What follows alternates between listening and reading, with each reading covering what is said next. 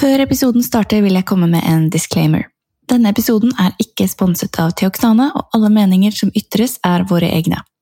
Informasjon gitt i episoden er ment som opplysning og gis i informasjonsøyemed. Denne episoden er i hovedsak tiltenkt profesjonelle utøvere av estetisk medisin og andre som kan være interessert i temaet. Er du ikke interessert i informasjon og tanker rundt relevant anatomi og utøvelse i forhold til injeksjoner av hyaluronsyrefiller, så er ikke dette episoden for deg.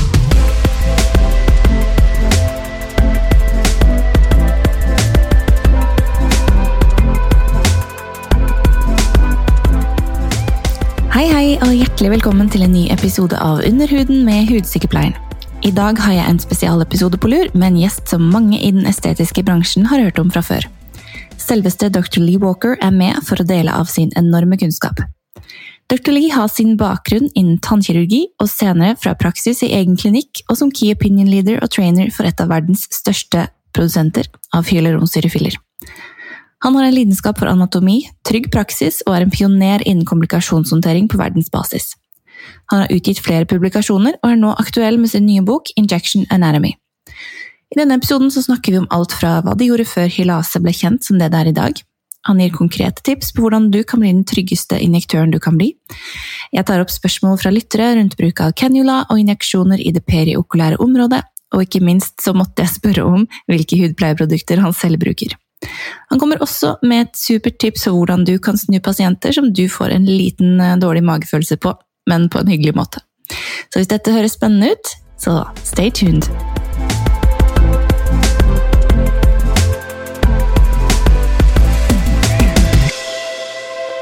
So, a very warm welcome to you, Dr. Lee Walker. Thank you so much for having me. It's uh, my pleasure. Uh, you are one of the most renowned persons in the world of medical aesthetics, and it's such a great pleasure to have you here. And thank you so much for for giving me your time and uh, knowledge. I, like I said, Helene, it's an absolute pleasure um, and an honor, really, because I understand uh, I understand the, the market in in Norway, and it's a fabulous place I've visited many times. So I'm just happy to be virtually back here uh, with you. Thank you. So, uh, just to get started, this is a podcast that is listened to by many people that are interested in skincare. So, I have to ask you this question How many skincare products are in your daily routine, Lee? Uh, mine is, yeah. is is just. Do you know what? I'm I'm not great with skincare, but what I do advocate is is SPF. Yes. Um, I think you know if you're going to choose choose one, uh, with evidence behind it, strong evidence, it's probably SPF. So that is in mine. Um, I've tried retinol in the past, but my skin seems to be a little bit. Now I know people say drop down, but you know when you're a man, you want the industrial strength. You know, you, yeah, you, you, you want to go a little bit further ahead. So yeah, yeah. so S- SPF is is is my is my go to. How are you, and how are you doing uh, with this COVID restrictions and situation over there? Yeah, I think you've got to stay positive. It's very easy to to curl up into a into a ball and and accept the world is against you, and you can go the other way, and you can you can fight your way out of this in in, a positive manner. And what I did is all of the things I didn't have time to do when I was traveling around the world educating, I decided to do those. So it was uh, it was a time management thing for me. So I've I've written a book. Um, uh, written a couple of chapters for uh, Professor Sito's aesthetic medicine book. Uh, publications, started a new complications collaborative. So all of the things which I'd wanted to do, which I never had time to do, I've I've put my efforts into into those. So I've used the time wisely because time is very precious and we never get it back. So yeah, so for me, it's being creative. Well, it truly sounds like you've used this COVID period to do really great things. And congratulations so much on your new book. We're going to talk about it a little bit later. You are, your background is as a dental surgeon, right? How did you yeah. get into the medical aesthetics field? You know, those sliding door moments of your life where somebody says something to you and it just like a light bulb goes off inside your brain. I was I was actually skiing in um, in Austria at the time, and, and we couldn't ski because it was snowing too heavy. And I was sharing a, a room with a good friend. He's also a dentist, and we just started to talk. And he said, um, "Have you tried Botox? Uh, you, are you doing Botox on patients?" So I said, "What's this?" And this is over twenty years ago. So I say, "No, what is it?" He said, "Don't try it. It makes everybody's eyebrows drop or their eyebrows go up." And and it intrigued me. So I decided to look into it. Did some training, which was really bad at the time, and then I tried uh, little bits of Botox on friends and family, as you do, and you experiment. And the more you experiment, the better you get. And yeah. I found there was a niche within uh, the dental surgery that I was working. Um, and I just started to build up my uh, my patient base from that. So it was the fact that we couldn't ski because I would have never had the conversation with him about, you know, I said, tell me something new that you're doing in work. And he said, oh, I'm doing Botox, but it's, it's not good. So that, that was it. That's how I stumbled into it. It was one of those. And um, I just really enjoyed it because being a dentist, you have a, you have a skill set with head and neck anatomy. You inject mm-hmm. the face every day. You're used to talking to patients and you're used to sticking needles in into the, that part of the anatomy. So it was it was a it was a smooth transition into it. Mm. But like I always said, it's very easy to get those skills. It's very difficult to perfect toxins. Yes. And it's it's a lifelong challenge because every patient is is unique and very, very different. So I'm still mm. learning today, Helen. Yeah. That's good to hear. I, I can imagine that being um, a dental surgeon, you you would have like the most um, knowledge about the human anatomy in the face out of all doctors, really.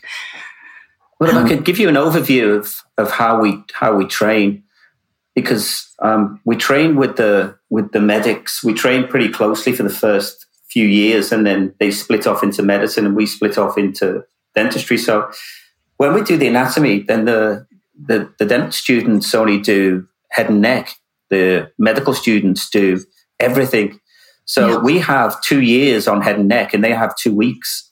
So we have a massive advantage over it, but we, as a group, we have no excuse not to understand anatomy of the head and neck.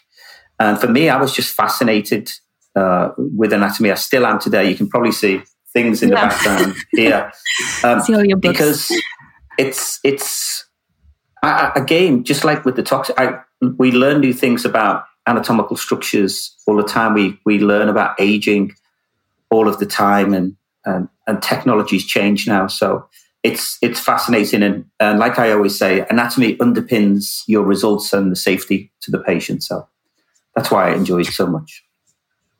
That's so great because um, first time I met you was in Geneva, where you held a training with Teoxane, and um, I would just remember by hearing what you said and how you explained anatomy, something clicked in the, in the head because you understand.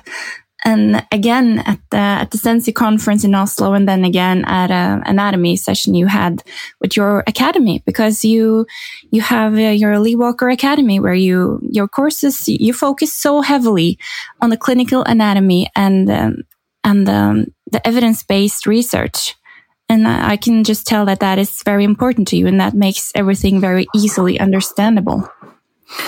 It it really one of the frustrating things about aesthetic medicine over the years and being in it for such a long time is that we weren't, we as a group of aesthetic injectors, we were never led by evidence. We were always led by eminence. So whoever was the most famous person shouting out the loudest about their technique, we tend to follow it and we would never question it. And the thing about science is you always need to question science for, for science to move forward.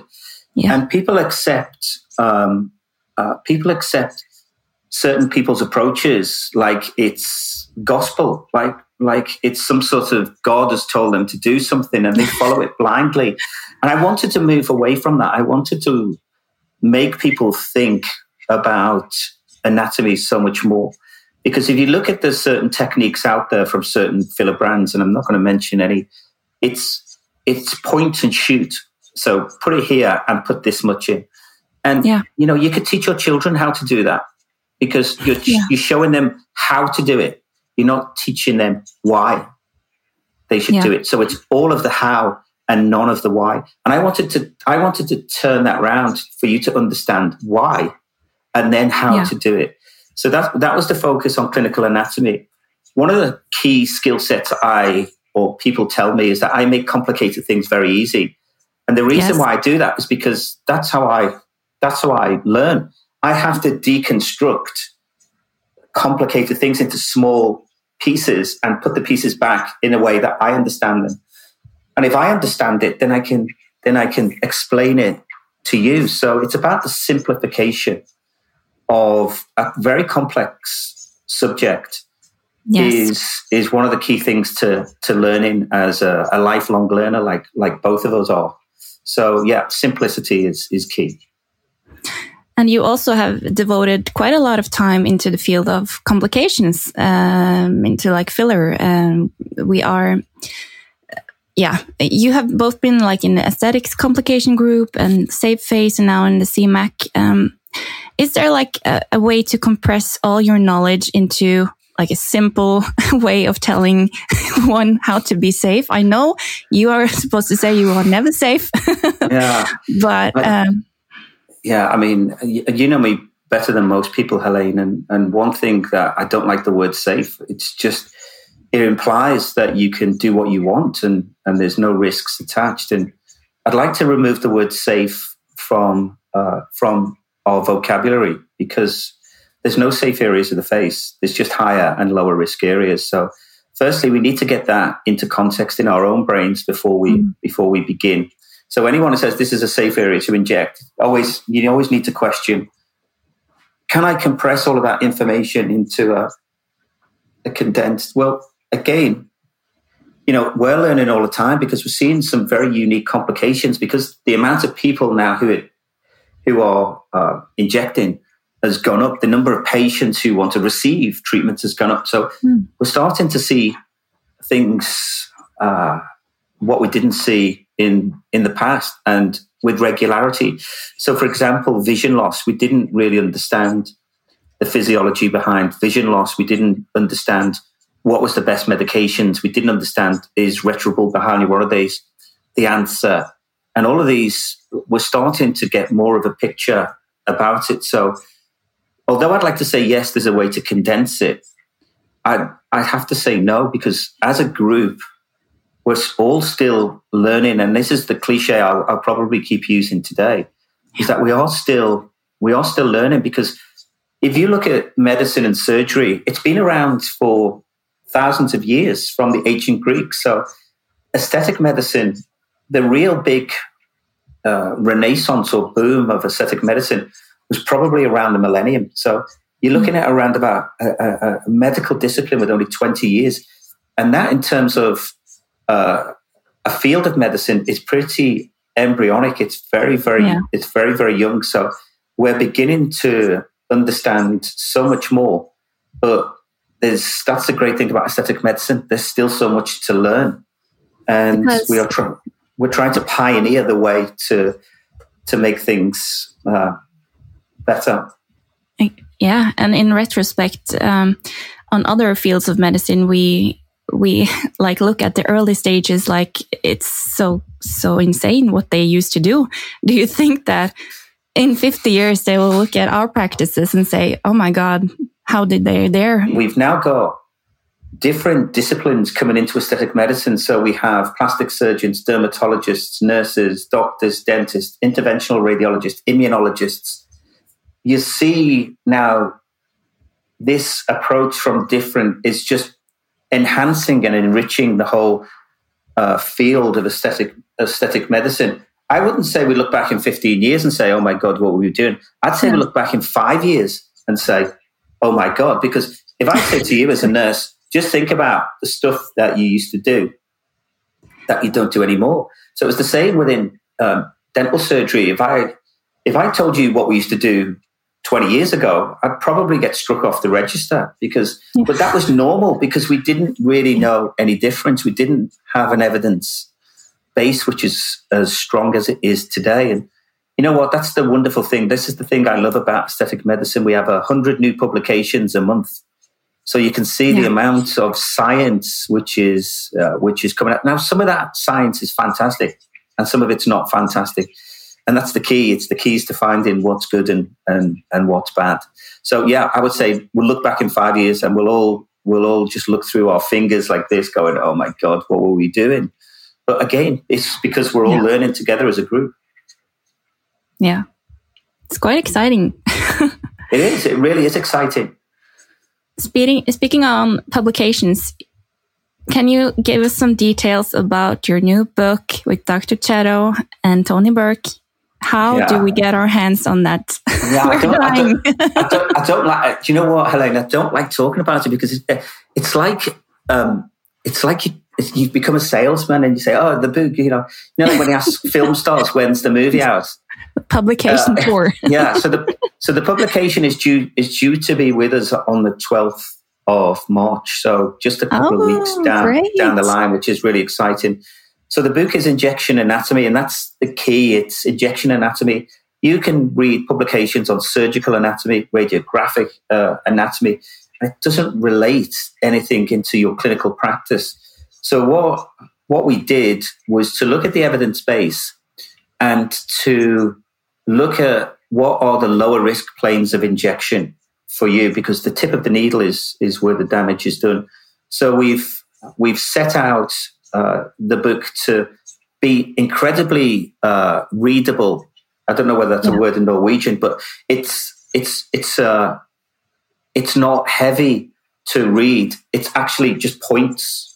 So the mm-hmm. artery mm-hmm. is this depth. It's in this position. It supplies this area this is the uh, you know this is the depth you should be injecting, and it goes through facial aging and it's every area of the face, so the forehead, the tear trough, the nose, the eyebrow, the cheek, the lips, the chin, the jaw, and everything else that goes along with it. But it's all evidence based, it's all referenced, and the images are uh, will help you because the images are topographical images, so you can you can almost scan the face and and work out your plan of attack. So that's the yeah. that's the book, and um, it's I think it's 177 pages, so it's it's it's a substantial uh, publication. Yeah. Um, but it's again, it's one of those things where um, what I used to do is to I I read two clinical papers every day.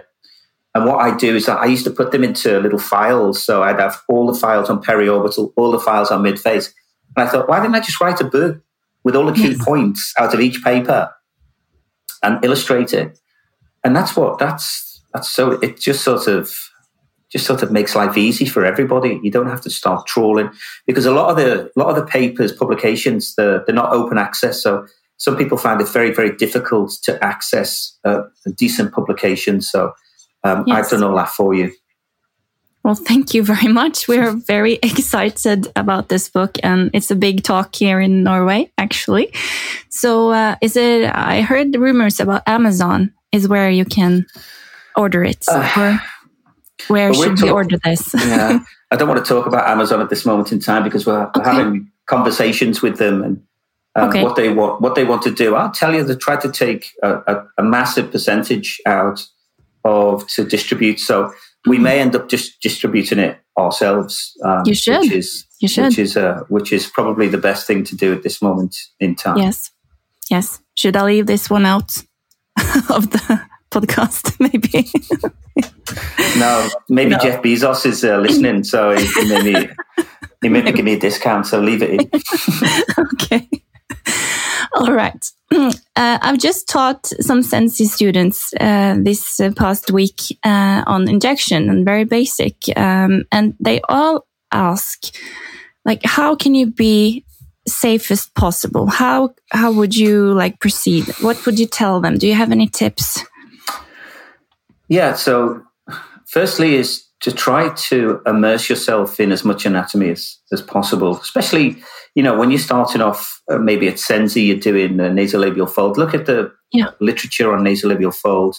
Look at, you know, you've got um, the commissure, the artery, facial artery is below the muscles here, becomes superficial, most superficial at the base. So understand the anatomical depths because, you know, distribution doesn't help you too much within aesthetic medicine. Um, use a cannula where uh, were appropriate. And again, a cannula is not safe. A cannula is just lower a lower risk. So mm-hmm. we've looked at the figures on needles. It's one in six thousand, and a cannula is one in forty thousand. So there is still a risk yes. with with cannula. So use a cannula where where you can. Do you um, see that the 25 gauge cannula is safer uh, than the 27 gauge? Yeah, or? because 27 gauge has been proven to be the same as a needle. So yeah. we don't use the 27. So 25 or, or 20 or 22 uh, okay. would, would be incredibly useful. And again, just do everything very slow. I mean, you've seen me inject loads of times. I'm, yeah. I've injected, I'm just probably the world's slowest injector. But it gives, I want feedback from the patient to say that's really painful, or I can feel that in the end of my nose or in my tooth. It feels, you know, I would use the mm. patient as a as a guide to what the problem is. Make sure the skin is incredibly clean because you see lots of times lots of makeup, or you'll just see this white, and then the rest of the face is full of makeup. So things like getting into good habits of being as clean or as aseptic as, as possible. Tell the patient to come with no makeup on. Yeah. Um, is is another thing because again, it's not just vascular issues. We have issues with infection, uh, nodules. So other things like targeted digital pressure is a really easy thing to do. It's free. It's stuck to the end of your hand. You just push as hard as you can before you inject. So you're making it as hard for the filler to go into the artery and to travel to somewhere else. So targeted digital pressure is is really good.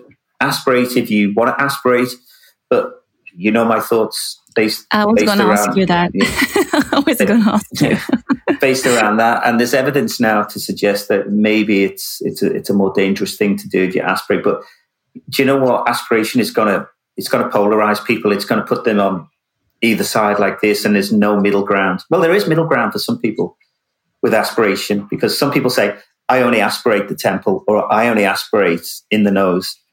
Well, that's making the assumption that there's no blood vessels anywhere else. So uh, the yeah. face is loaded full of blood vessels. So if you're going to aspirate, please aspirate everywhere. Um, yeah. So things like that, injecting really slow under low pressure and using the right product. So, you know, if you're going to place your filler in the subcutaneous plane here, then make sure you use a dynamic filler. Make sure you're not going to use a filler which is too thick or static because it's going to, you know, you're going to end up with nodules, lumps, or bumps, and your patient's not going to be too happy. Yeah. And more importantly, understand the signs and symptoms of vascular compromise. Don't ignore them and have lots of hyaluronidase in your practice and you know how to use it. What did you do before hyaluronidase was uh, available? Do you know? Do you know what? We we. You know when I said to you we, we're, we're learning we didn't know hyaluronidase even existed. No. Back, and it's been used since 1949. So I think it's around 71 years old. And, and, and when people say, What did you do? Like what you've just said, it sends a cold shiver down my spine because we didn't know it existed because there was no training. There was no literature at that time. There was no one saying, Well, this enzyme will break down hyaluronic acid fillers if you have a compromise. We didn't have a clue what we were doing. And, and you know what you said when you say you look back? Well, yeah. we didn't have hyaluronidase. And if you did have hyaluronidase, you had one vial. And yeah. you you hope that you'd never use this one vial because uh, it was a, a, problem. Now we have, well, I have at least 40 vials of 1500 units. So it's, it's scary to think that we didn't know what we were doing in the beginning. And I will put my hand up and say, I didn't have a clue. Yeah. Because we weren't trained like that. And this goes back to eminence. You just get shown how to do something and you go and do it. You yeah. don't question, you know, because so I make the analogy of things like this. It's a bad driver teaching another driver how to drive bad. So everybody's driving bad, but everybody thinks they're normal. But it's yes. not until someone shows you how to drive good. And it's like, wow, what have we been doing? So the days before hyaluronidase, it was ignorance. We were completely ignorant. And we have a saying in English, I don't know whether it translates into Norwegian, but ignorance is bliss. So yeah. if, if you don't know, you, don't, you, you just, you're happy, but you're ignorant. So uh, we know now, and this is the thing about it, we know how to use hyaluronidase so much more effectively now. And, and we thank God for introducing yeah. it into aesthetic medicine. and still, still uh, many practitioners are um, injecting in uh, blissfully unknowledgeable about what they actually can do to a person. At least here in Norway, it's still not uh, restricted uh, as to who can inject fillers. Uh, how is that situation in, in England? It's exactly the same. So it's a mirror image. So uh, Elaine, your gardener could could yeah. buy some fillers off the internet and inject, and there's no there's no legal requirement to uh, to for them to have a license or to have insurance. They can just do as what they want. So again, we've we've been fighting very long for regulations in the UK and being part of Safe Face. We're a professional standards agency, and we've tried to champion the medical professional as being the go-to to see for medical aesthetic treatments, not people with no medical uh, no medical training. And mm-hmm. what we're doing as the CMAC collaborative group is we're starting to collect data. So if we can, over a couple of years, collect data and say 80% of all vascular issues are caused by non-medics, then we can yeah. present that to the government. But until we have that data, then you could argue it may be the medics are causing the problem and it's not. So again, until we have that data available, then we can begin to change regulation within the UK. But the UK and Norway are a mirror of each other. It's yeah. it's what we call the Same. Wild West. Yeah. Yeah. Actually. yeah. But um how do you like spend your days in the normal uh, circumstances? Do you like see complication patients and then you teach and then you are KOL? How do how does your day go by? Well, the, the, great thing about my days is that they're always incredibly varied and and um, so I have different hats in which I put on. I have a complications hat, I have a clinician's hat, and then I have a teacher's. And again, it's they're interchangeable. So so like like today, I've had um, this morning. I've had two um, uh, private VIP webinars with Asia, teaching doctors uh, uh, different um, techniques. And then I have uh, I have this amazing podcast with you, um, and then I have um, and then I have a, a, an interview with Portugal um, for Teoxane, and then I've got to finish my day preparing uh, a webinar for Russia tomorrow. So a lot of this, a lot of my days just blend into one. So if I'm not treating or managing a complication, I'm either uh, communicating with the complications group on how the best way to move forward. Mm-hmm. I'm either writing a publication, reading something, or producing um, a presentation. So, like yeah. I said, uh, this is a really weird time in my life, is because I have time. Normally, I do these things in an airport or on a plane uh, with a laptop, and I'm pretty blessed to be to be home at this moment in time to have all of this time to to do that. So the days are long and the yeah. days are varied and it's interspersed between managing complications and directing education of course how uh, it's not very your, exciting yes it is. Is your is your russian webinar about russian lips? No it's a very contentious issue. It's actually um, we are uh, we're talking about the periorbital area. Again a huge challenge. And there's lots of you know, there's lots of um, issues at the moment with different techniques and people's opinions based around techniques. And I don't like to get involved in in these discussions. I always say to the to the you know to the clinician, you have to consider what you're doing and then you have to justify it. Mm-hmm. And you don't have to justify it to yourself or to your patient. You may have to justify it to your regulatory body. So the nursing council, the General Dental Council or General Medical, because if something goes wrong and you say, well, I was doing a, a, an, an injection pattern and it had 50 different injections and the patient had a problem, then you could say as a lawyer, is there any techniques where you do less than 50 or maybe 10 injections? And as soon as you say yeah, then you have to justify your technique. So for me, it's about justifying what I'm doing rather than worrying about what other people are doing. because these techniques they've been around for a long, a long, long time. There's nothing, there's nothing new.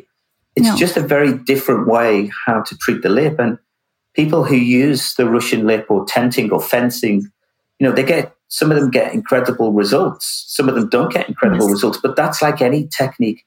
It's about yes. the mitigation of risk and your patient understanding that there is alternatives to one technique. So again, I talk about needle, 13, four millimeter cannula. I talk about the benefits, the pros and cons of each one. And let will me and the patient together will choose the best option uh, for yeah. them.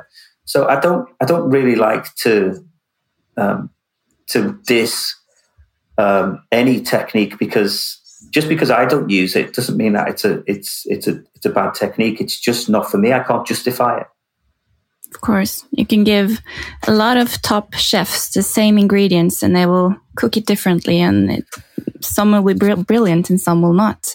So, uh, yeah, same same analogy. But on the topic of peri-orbital, um, tear trough is a as um, popular um, treatment here in Norway, but some, uh, especially women like 40 plus, struggle with edema uh, in their periorbital region.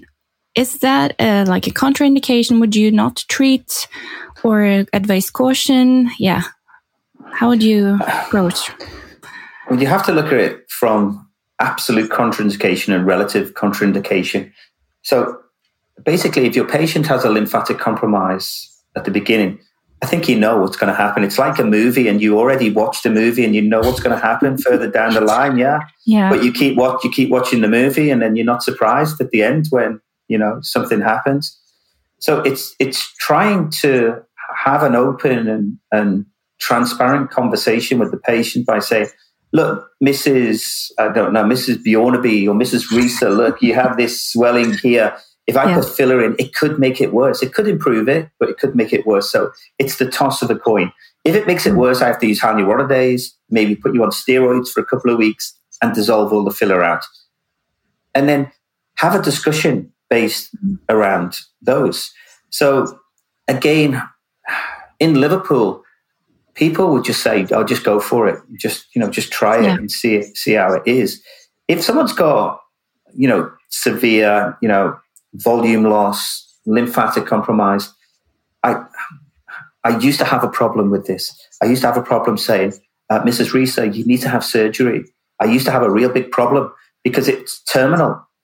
Now I don't have a problem because surgery now is is quicker. There's uh, low recovery time, uh, yeah. not much social downtime. It's a lot. Um, it's a lot less expensive now surgeons can do a lot of these things under um, local anesthesia, things like upper blepharoplasty. So again, we've got to think about not just the non-surgical options with our patients, but the surgical options also. But I always had a problem with saying to a woman, you need to have a facelift or a bleph or or something like that. But I don't have a problem because the problem I have is the problem of the patient knocking on the door for three to four weeks saying this is still swollen. This is and me thinking I shouldn't have done it. I shouldn't have got involved. So again, it's that if the patient has lymphatic compromise, then there's normally a reason uh, for it. So uh, again, they've got a sluggish um, uh, orbicularis. So again, I won't even put toxin on those patients, Helene. No. I'll, I'll avoid uh, periocular. Um, Not even just just one. No, no, no, no, no, no, no. no. Experience, ex- listen, experience. I, am going to share something with you. Experience you. teaches teaches you things um, that you know. When people call me an expert, I'm not an expert. I'm just I'm I'm just somebody very dumb who's tend to learn from every single mistake in the in the book. I've made every one, but I've learned from them. So what I do now is pass the wisdom down by saying, do you know what? Don't get involved in it. And I'll tell you things like, you know, as a woman, you have very intuitive. You normally know within the first 20 seconds if a patient's going to be trouble. And you have this feeling here and you go, I don't want to treat them. Always go with that instinct because ah. you've had it before and you're thinking, I knew I shouldn't have treated her. And now she's back. She's saying the Botox isn't working. She's coming a hundred times. I just want to get rid of her now. So, but how do you put them down always, easy? it, oh no, there's a very easy way to do this, and I'll share this with you and, and, and your listeners. Yes. The way out of this is very easy. So, say if I'm treating you, you're extremely beautiful. But if I said to you, Helene, I know you want me to do your, your Botox around your eyes, but I'm going to make you look worse. Would you like me to make you look worse? No, thank you. You're going to say no. Yeah. And I say, I, because you can't say yes. You have to say no. it's what, so I'm forcing the patient to say no. And once they've said no, I said, well, listen, Helene, I'm not going to take your money to make you look worse. I think, you know, maybe you can buy some wonderful retinol or SPF. I think that mm. would, that would be great on your skin. But as far as you go, I'm not going to let you spend your money for making you to look worse. Is that okay? And they'll say, thank you for your honesty. I really appreciate that. That's a nice way to let people down. And it's yes. never failed. It's never ever failed. Thank you for your wisdom. yes, that, that is a tricky, uh, tricky one, but uh, you made it again very easy. Experience. Experience. Yes. So you travel a lot, right? Used to. Where are people most pleasant in regards to travel and which are the best cities? And don't say Norway just because uh, I'm from there, just like the true experience. No. So, so what are my favorite? What are my favorite places to visit? Yeah, where I've where I've been able to share knowledge. Wow, you know what? You put me under pressure by saying don't say Norway because Norway's been brilliant to me because everybody speaks perfect English. It's a two hour flight away. Everybody's incredibly hospitable and very um, inquisitive and very appreciative. So I do, I do have uh, uh, my heart, you know, is is in Norway, but the places I've really enjoyed visiting.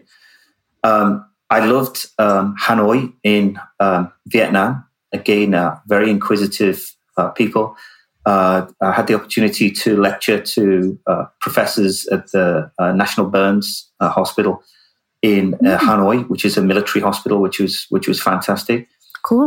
I I loved. Um, I, I absolutely loved places like Bosnia um, because again, um, when you go there, people are, are, are hugely appreciative, and it's countries that you wouldn't normally go to mm. to visit because you think about places like that as being war torn, uh, you know, depressing places, but you know, places like Sarajevo or you know, mul- uh, just uh, multi international, fantastic places. People are very very welcoming. Toronto uh, was uh, amazing uh, as as well in in in Canada. Um, but if I had to pick one, this is a really wow you know what I'm going to have to say?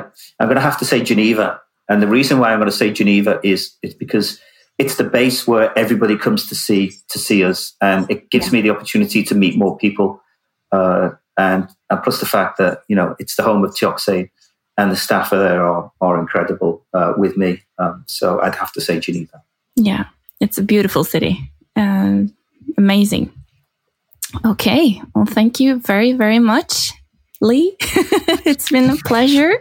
Thank you for sharing your knowledge. And uh, well, th- well, thank you. I mean, you know, it's been short and sweet, but you know, if your listeners are keen to have a more of an educational podcast with with you know questions uh, about how you know if there's any gaps in knowledge, uh, complications, yeah. or anatomy specific areas, then I'd be more than happy to to to help fill those uh, educational needs for them.